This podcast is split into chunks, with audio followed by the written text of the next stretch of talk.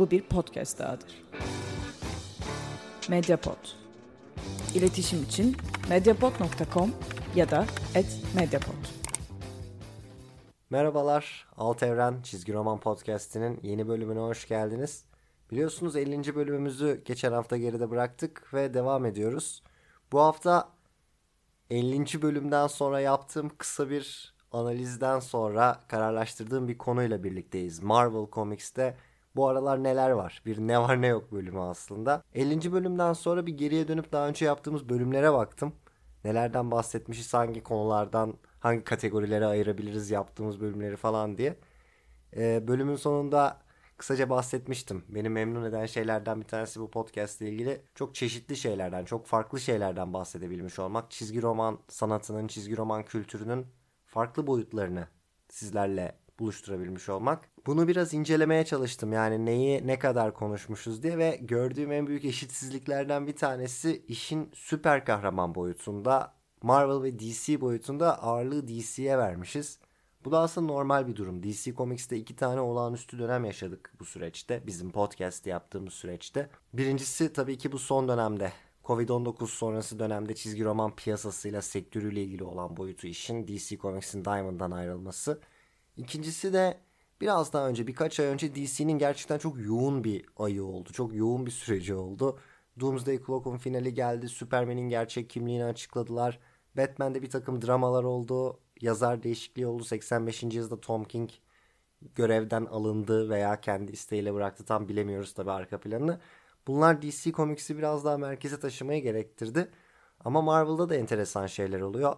Hatta Marvel'dan daha çok bahsetmemizi biraz daha olumlu bir şey olarak gösterebilirim. Yani Marvel'da her şey biraz daha tıkırında gittiği için podcast'te böyle merkeze konulacak çok fazla bir konu yoktu belki de uzun uzadıya seri incelemeden. Ama bunu da bir yapayım dedim. Format olarak da insanların genelde bana en çok sorduğu sorulardan bir tanesi şey oluyor. Ya bu aralar ne var? Hani şu anda ne gündemde? Şu an ne e, revaçta? Biraz bunun üzerinden gitmeye çalışacağım ve Marvel okumak istiyorsanız hani 2019-2020 bu dönemden güncel bir Marvel hikayesi arıyorsanız nerelere bakabilirsiniz? 5 tane çizgi roman önereceğim. Tabi Marvel DC'yi biliyorsunuz yani 5 çizgi romanın çok ötesinde seriler var. Bunlar ötesinde söylenebilecek bir sürü şey var. Ama biraz böyle hem işin göz önünde olan kısmından hem de 3-4 tane de farklı örnekten giderek Marvel'ı nasıl takip edebilirsiniz? Güncel dönemde ilk nerelere bakmanız gerekir? Böyle bir ufak güncel rehber hazırlamak istedim. Ve inanılmaz klişe bir şey yapacağım. İlk olarak 5 çizgi roman tavsiyesinden ikisini Avengers'a ve X-Men'e harcayacağım. Ee, şu anda bazı dinleyicilerimiz şey diyor yani herhalde sokaktan birisini çevirip Marvel'da şu an ne okuyayım desem bir Avengers 2 X-Men derdi diye düşünüyor. Ama gerçekten bunlar enteresan dönemler geçiriyor. Özellikle X-Men'deki durumu biliyorsunuz. Oradan başlayalım. X-Men'i podcast'te çok uzun uzadıya ele aldık. Jonathan Hickman 2019 yılının sonlarına doğru X-Men'e geri geldi. Bütün X-Men'i sıfırlayan bir süreç yaptı. Yani evren içinde sıfırlama kelimesi başka bir anlama geliyor tabi. Daha önceki bütün tarihin yok sayılması anlamına geliyor. Böyle bir sıfırlama değil ama bütün kurguyu baştan yaratarak X-Men'i yeni bir düzene dahil etti. Yeni bir düzen yarattı. Ve şu anda bütün seriler, bütün X-Men serileri büyük ölçüde katı bir yapıyla bu sistemi takip ediyor. Jonathan Hickman'ın yaratıcı liderliği önderliğinde gelişiyor. Ana X-Men serisinde Hickman'ın kendisi yazıyor zaten. Burada House of X ve Powers of X asıl adı Powers of Ten olan ama tabi herkes gibi benim de Powers of X dediğimiz iki seriyle başladı olay. Bu iki serinin devamında 6 çizgi romanla X-Men çizgisi yeniden başlatıldı ve bu 6 seri büyük ölçüde devam ediyor. Bir iki tane iptal var, bir iki tane yeni seri var ama bu yapı üzerinden ilerliyorlar. Okuması ve takip etmesi hem çok zor hem de çok kolay. Bunu biraz açayım. Gerçekten çok fazla sayıda çizgi roman okumanız gerekiyor. House of X ve Powers of X ile başlıyorsunuz. Kesinlikle bunlar öncesinde bir şey okumanıza gerek yok. Ee, yani şöyle işinizi rahatlatabilirim. 2010'dan 2020'ye kadar bütün X-Men çizgi romanlarını büyük ölçüde güncel takip etmiş birisi olarak ben bile House of X'in ilk sayısını açtığımda neler olup bittiğini 10 yıldır hiç X-Men okumamış birisi kadar biliyorum en fazla. Böyle bir durum. Neden zor? Çünkü bu iki seriyi doğru sırayla okuyup ondan sonra diğer hikayeleri de sırayla okumanız gerekiyor. Her şey birbirine bağlanıyor. Ama neden kolay? Çünkü pek çok serinin aksine burada okuma listelerine bilmem nelere rehberlere çok ihtiyacınız yok. İki şekilde okuyabilirsiniz. Birincisi bir şekilde sayıları bulabilirsiniz. Yani tek tek fasikül olarak okuyabilirsiniz. Bu durumda House of X, Powers of X'i bitirdikten sonra X-Men 1 ile başlıyorsunuz ve her sayının sonunda zaten bir sonra ne okumanız gerektiği çizgi romanın sonunda yazıyor. Yani pillerin dahil olduğu bir oyuncak gibi okuma listesi dahil bir çizgi roman. İkinci alternatifiniz cilt olarak okumak. Cilt olarak okuduğunuzda da şöyle enteresan bir şey yapıyorlar. Biliyorsunuz normalde bir serinin atıyorum X-Men'in ilk 5 sayısı ilk 6 sayısı çıkar. Sonra bu X-Men cilt 1 adıyla cilt formatında piyasaya sürülür. Burada öyle değil. Bütün bu sürece yani 6 seriyle başlayan bu yeni X-Men dönemine Dawn of X diye genel bir başlık veriyorlar. Ve ciltler de Dawn of X başlığıyla çıkıyor. O yüzden yani bu Dawn of X ciltlerini okuduğunuz zaman her şeyi doğru sırayla okumuş oluyorsunuz zaten. Dolayısıyla X-Men'de durum böyle. Şu anda Marvel'da en heyecan verici, en yeni olan şey bu. Biraz dünya inşası boyutundayız. Yani bir iki tane önemli olay yaşandı ama asıl böyle büyük olaylar henüz daha start almadı. O yüzden hiç bu dönemi takip etmediyseniz çok geç kalmış değilsiniz. Belki biraz geç kalmış durumdasınız ama hani hızlı bir yakalamayla yetişebilirsiniz. Dediğim gibi Marvel'da şu anda çizgi roman boyutunda en önemli olan şey bu X-Men serileri. Hala bunların heyecanını yaratan çok başka bir şey yok. Tabi Avengers serisi var. Avengers her zaman çok önemli bir marka Marvel için. Avengers'ta da yeni bir dönem başladı bir süre önce. Uzun yıllar Thor yazarlığı yapan ve Marvel'ın aslında 2010'ların ikinci yarısında en önemli yazarı haline gelen e, Jason Aaron Avengers serisini yazıyor. Burada Avengers'ı büyük ölçüde birinci sayıdan başlayıp okuyabilirsiniz. Şu anda yanlış hatırlamıyorsam 35. 36. sayı civarındayız. Yani 30 sayılık bir okuma var. Enteresan bir Avengers takımımız söz konusu. Böyle güçlü karakterlerin olduğu, büyük bir ekibin olduğu hırslı bir Avengers takımı var. Biliyorsunuz böyle Marvel'da yazarlar, editörler bazen farklı şeyler denemeyi seviyorlar. İşte bir Avengers takımı görüyorsunuz. Luke Cage, Jessica Jones, işte Spider-Woman, Spider-Man, Hawkeye falan gibi böyle daha hani sokak seviyesi olarak da adlandırılabilecek bazı karakterlerin ön planda olduğu seriler oluyor. Bu seri öyle değil. Yani burada gerçekten büyük hikayeler için kurgulanan daha mitolojik, daha kozmik yapıların devreye girdiği hikayeler var. Burada da tabii büyük bir hikayenin eşiğindeyiz. Empire hikayesi geliyor şimdi. Fantastic Four'un da dahil olduğu bir hikaye olacak ve Marvel'ın 2020 yazı için büyük hikayesi. Dolayısıyla hızlı bir okuma yaparsanız Avengers'ta buraya da yetişebilirsiniz. Özetle Avengers'ın da oldukça sağlam olduğu bir dönemden geçiyoruz. Belki olağanüstü bir süreç değil hani okuduğumuz en iyi Avengers dönemi falan değil. Ama yine de kendini okutan, eğlenceli bir Avengers serisinden bekleyeceğinizi bana göre bulacağınız bir seri. Avengers ve X-Men aşağı yukarı bu şekilde. X-Men tabi biraz daha detaylı olduğu için ona biraz daha fazla vakit ayırmak istedim. Podcast'in diğer bölümlerine bakarsanız orada X-Men'den pek çok noktada epey bir bahsettik.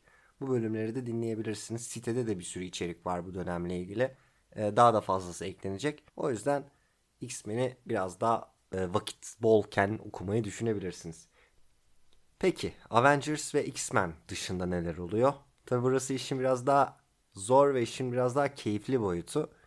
3 tane seri önereceğim size. Çok fazla yormak istemiyorum. Çok fazla vakit harcamak istemiyorum. Biliyorsunuz bu süper kahraman odaklı çizgi roman şirketlerinde de bazen böyle çok iyi seriler olabiliyor. Bir anda dikkat çeken hatta süper kahraman çizgi romanlarını normalde okumaktan hoşlanmayan insanların bile bakıp Allah Allah dur ya bu çok iyiymiş falan diyebilecekleri seriler yayınlanıyor. Bu türün içinde yapılabilecek şeylerin biraz sınırlarını genişleten hikayeler yayınlanıyor. Örnek vermek gerekirse mesela 2012 civarında Hawkeye serisi böyle bir seriydi. 2015 civarında Vision serisi Marvel'da böyle bir seriydi. Bunlar gibi ne var şu anda diyecek olursanız en gündemde olan, en popüler olan, en prestijli serisi Marvel'ın şu anda Immortal Hulk serisi. Al Ewing tarafından yazılıyor. Gerçekten özellikle başlarında çok farklı, çok değişik, daha böyle korku temalarıyla ilerleyen ama aynı zamanda daha felsefi boyutları da olan böyle filozoflardan alıntılarla falan başlayan bir seri ve Hulk karakterini uzun yıllardır ele alınmadığı şekilde ele alıyor. Gerçekten hikayeyi, karakteri derinleştirerek ilerliyor ve halkı da böyle epey bir canavar gibi ele alıyor. Yani bir süper kahraman serisi havasını belki pek çok noktada yaşamıyorsunuz bile. Fakat Marvel'ın şu anda en prestijli serisi bu. Hatta şunu söyleyeyim bir adım daha ileri giderek bir karşılaştırma yapayım.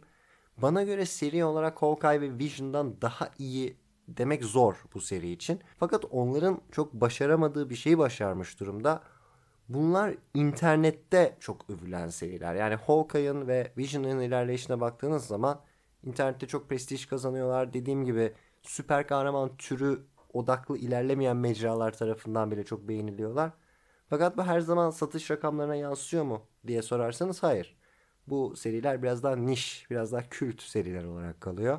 Fakat Immortal Hulk'ta bir ilk görüyoruz bu açıdan. İnternet genelinde böyle ondan ona ondan ona kulaktan kulağa yayılarak bir prestij kazanan ve daha sonra bu prestiji satış rakamlarına yansıtabilen bir durum görüyoruz. Ee, ve yani bir noktada Batman'in falan satış rakamlarını geride bırakan bir seriden bahsediyoruz. Bu çok büyük bir olay çizgi roman dünyası için.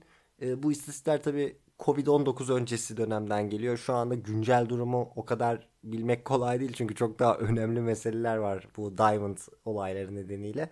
Fakat bu açıdan da başarı elde etmiş bir seri ve Halk karakterini gerçekten uzun yıllar sonra hani sadece hayranları veya bu karakteri çok seven kişiler için değil herkes için okunması gereken bir sayı haline getirmiş bir seri var elimizde. Dolayısıyla Marvel'da nereye bakalım ne okuyalım Marvel'da diyorsanız şu anda bence listede bir numara olması gereken serilerden bir tanesi Immortal Hulk. Ki birkaç ufak istisna dışında öyle çok okuma listesi başka ne okuyacağız öncesinde ne okuyacağız falan diye bir şey de yok.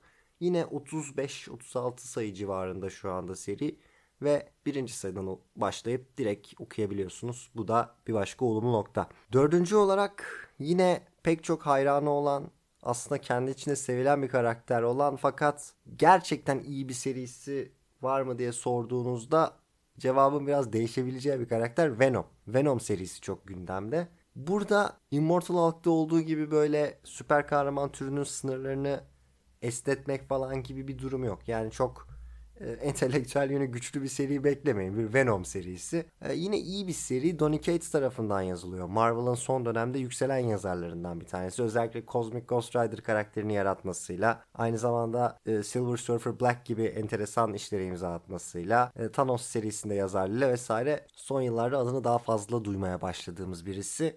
Ve Venom serisinin yanı sıra Thor serisinin de yazarlığını yapıyor. Jason Aaron'dan da bu seriyi devralmış durumda. Venom nasıl bir seri diyecek olursanız öncelikle Immortal Hulk gibi aslında kendi içinde okuyabiliyorsunuz bir süre. Fakat bir yandan da Marvel evreninin önemli hikayelerinin bazı tohumlarını atıyor. Donny Cates'in yazarlığından ve Marvel için öneminden bu yüzden bahsettim. Öyle bir yazar ki kendisi artık onun serisinde anlattığı hikayeler ileride büyük bir eventte, büyük bir hikayede karşınıza çıkabilecek duruma geliyor. Bunun da aslında Absolute Carnage hikayesiyle bir örneğini gördük. Venom hikayesi 16. sayıya kadar devam ediyor. Sonra bu seride önemli bir olay anlatılıyor ve buradan çıkışla iş Absolute Carnage'a bağlanıyor. Yani 6 sayılık bir event hikayesi olan Absolute Carnage aslında Venom'da anlatılan önemli bir hikaye olmaktan ibaret. Bu hikayede de aslında geleceğe yatırım sürüyor. Yani Absolute Carnage'ın sonuna baktığınızda böyle ha demek ki bu hikayede böyle sonuçlandı gibi bir şey görmüyorsunuz. Gelecekteki daha büyük bir hikaye yol açıyor sadece. O yüzden Venom'un böyle bir önemi var. Merkezdeki konu enteresan. Şimdi Venom'un tarihçesini herkes biliyordur. Burada çok anlatmaya gerek yok. Uzaydan gelen bir simbiyot. Daha sonra bu simbiyotun bir ırkı olduğu anlaşılıyor bunlara ait bir gezegen olduğu anlaşılıyor falan filan ilerleyen hikayelerde. O yüzden bu karakteri böyle uzay odaklı, kozmik odaklı hikayelerde görmeye alışığız. Fakat şuna alışık değiliz. Biliyorsunuz kozmik Marvel dediğiniz zaman bunun iki boyutu var. Birincisi böyle uzaylı ırklar, daha gelişmiş teknoloji, bilim kurgu falan. Bir de böyle baba karakterler var. Galactus gibi, Celestials ırkı falan gibi böyle elini salladığımı bir gezegeni ortadan kaldırabilen varlıklar var. Venom'u ilk kategoride görmeye alışığız ama bu ikinci kategoride çok görmeyiz bu karakteri. Burada Donny Cates Knull isimli yeni bir karakter yaratıyor. Aslında şimdi ilk kez telaffuz etmek zorunda kaldım. Knull diye mi okumak lazım, Null diye mi okumak lazım bilmiyorum. Herhalde Null daha doğru. Her neyse bu abimiz diyeceğim podcast'in geri kalanında. Basit tabirle bu abimiz simbiyot ırkının tanrısı olarak bize tanıtılıyor. Fakat seri içinde Venom serisi içinde geçmişi epey anlatılıyor ve bunun Marvel evreninde aslında çok önemli bir varlık olduğunu, zamanın başlangıcından beri var olduğunu ve simbiyotların tanrısı olma durumunun daha sonra ortaya çıktığını anlıyoruz. Yani evrenin temel güçlerinden bir tanesinden bahsediyoruz. Ve şimdi bu seriyle birlikte sadece Venom'un hayatında olanlar, bitenler anlatılmıyor. Aynı zamanda bu simbiyot tanrısının yeniden özgür kalma süreci ve gözünü dünyaya dikme süreci de anlatılıyor. Yakın zamanda bununla ilgili yeni büyük hikayeler de gelecek. Dediğim gibi şu anda Venom okurken dikkatinizin dağılacağı, okumanız gerekecek ikinci seri sadece Absolute Carnage. Ama ilerleyen noktalarda Marvel evreni odaklı hikayelerde de bu karakteri göreceksiniz. Venom serisinin etkilerini göreceksiniz. O yüzden dediğim gibi bir geleceğe yatırım olarak da düşünebilirsiniz Venom serisini. Değişik bir hikaye bu karakter etrafında anlatılan ama genel olarak beğeniliyor. Bu da dördüncü bir çizgi roman Marvel'da şu anda dikkate değecek. Son olarak Daredevil ile bitirmek istiyorum. Bir tane de farklı bir seri tavsiye etmek istedim. Böyle daha hızlı ve kendi içinde okunabilecek. Daredevil serisi de aslında bu tanıma uyuyor. Biliyorsunuz Daredevil genelde kaliteli serileri olan bir karakter. Bu karakteri seven kişiler yazıyor. Karakterin doğasından dolayı büyük ölçüde gerçekçi hikayeler anlatmak durumunda kalıyorsunuz. Yani Venom'da olduğu gibi öyle uzay tanrılarına, kozmik varlıklara falan bağlanan bir Daredevil hikayesi zor. Yapılmaya çalışıldığı durumlar oluyor böyle şeylerin ama genellikle çok iyi olmuyor. O yüzden yazarlar da daha gerçekçi, hafif böyle karanlık hikayelerle yetiniyorlar. Burada da enteresan bir yazar var. Chip Zdarsky. Aslında çizgi roman dünyasında bir e, komedi figürü olarak giren bir isim. E, Matt Fraction'la birlikte yazdıkları Sex Criminals çizgi romanı var. Daha doğrusu Matt Fraction yazıyor, Chip Zdarsky çiziyor. Fakat bundan sonra Marvel'da özellikle çeşitli serilerde yazarlık yapmaya başlıyor. Ve giderek çok iyi bir yazar haline geliyor. Böyle enteresan bir hikayesi var. Spider-Man Life Story çizgi romanı en son dikkate değer önemli serilerden bir tanesi ve bundan sonra artık iyice Chip Zdarsky'nin ciddi alınacak bir yazar olduğunu söyleyebiliriz. Daredevil serisi de bunun aslında şu ana kadarki en uzun soluklu en çok dikkat çeken örneklerinden bir tanesi. Yine süper kahraman çizgi romanlarında aslında çok sık görmeyi bekleyeceğimiz ama çok sık görmediğimiz yazarların çok eğilmediği konulardan biriyle başlıyor. Dediğim gibi böyle biraz daha gerçekçi bir kurgu istiyorsanız hani daha günlük hayatla biraz politikayla bu işin arka planıyla ilgilenelim diyorsanız Daredevil da şu anda Marvel'da okuyabileceğiniz iyi serilerden bir tanesi. Burada 5 tavsiyeyle sınırlı tutmak istiyorum. Tabii ki daha fazla örnek verebiliriz. Yani ilk aklıma gelen bir altıncısını söylediyseniz yine Donny Cates'in yazdığı soru söylerdim. Çünkü hem çok yeni başladı geç kalmış değilsiniz. Direkt okumaya başlayabilirsiniz. Hem yine büyük ve heyecan verici bir kurgu var vesaire. Daha da arttırılabilir örnekler. Fakat bu 5 taneyle sınırlı kalıyorum. Çok sorulan sorulardan bir tanesi bu bana. Hani gerek arkadaş ortamında gerek podcast ve site üzerinden hani neler var, ne okuyalım, bu ara neler çıkıyor falan gibi. O yüzden 5 tane çizgi romanı bu kontekst içinde biraz tanıtmaya çalıştım. Biraz da aslında dediğim gibi 50. bölümden sonra yaptığım o grafikten ortaya çıktı fikir. Marvel'a biraz daha bölüm ayırmamız gerekiyor sanırım. Bu bölümde bunun bir başlangıcı oldu. X-Men, Avengers, Immortal Hulk, Venom ve Daredevil. Marvel'da şu anda gündem. Önemli seriler arasında gösterebileceğimiz Marvel'da neler olup bitiyor diyorsanız göz atabileceğiniz 5 seri. Bu bölümü bunlarla noktalıyoruz. Bir sonraki bölümde görüşmek üzere. Hoşçakalın. Medyapod'un podcastlerine Spotify, Google Podcast, iTunes ve Spreaker üzerinden ulaşabilirsiniz. Medyapod'u desteklemek için patreon.com slash medyapod.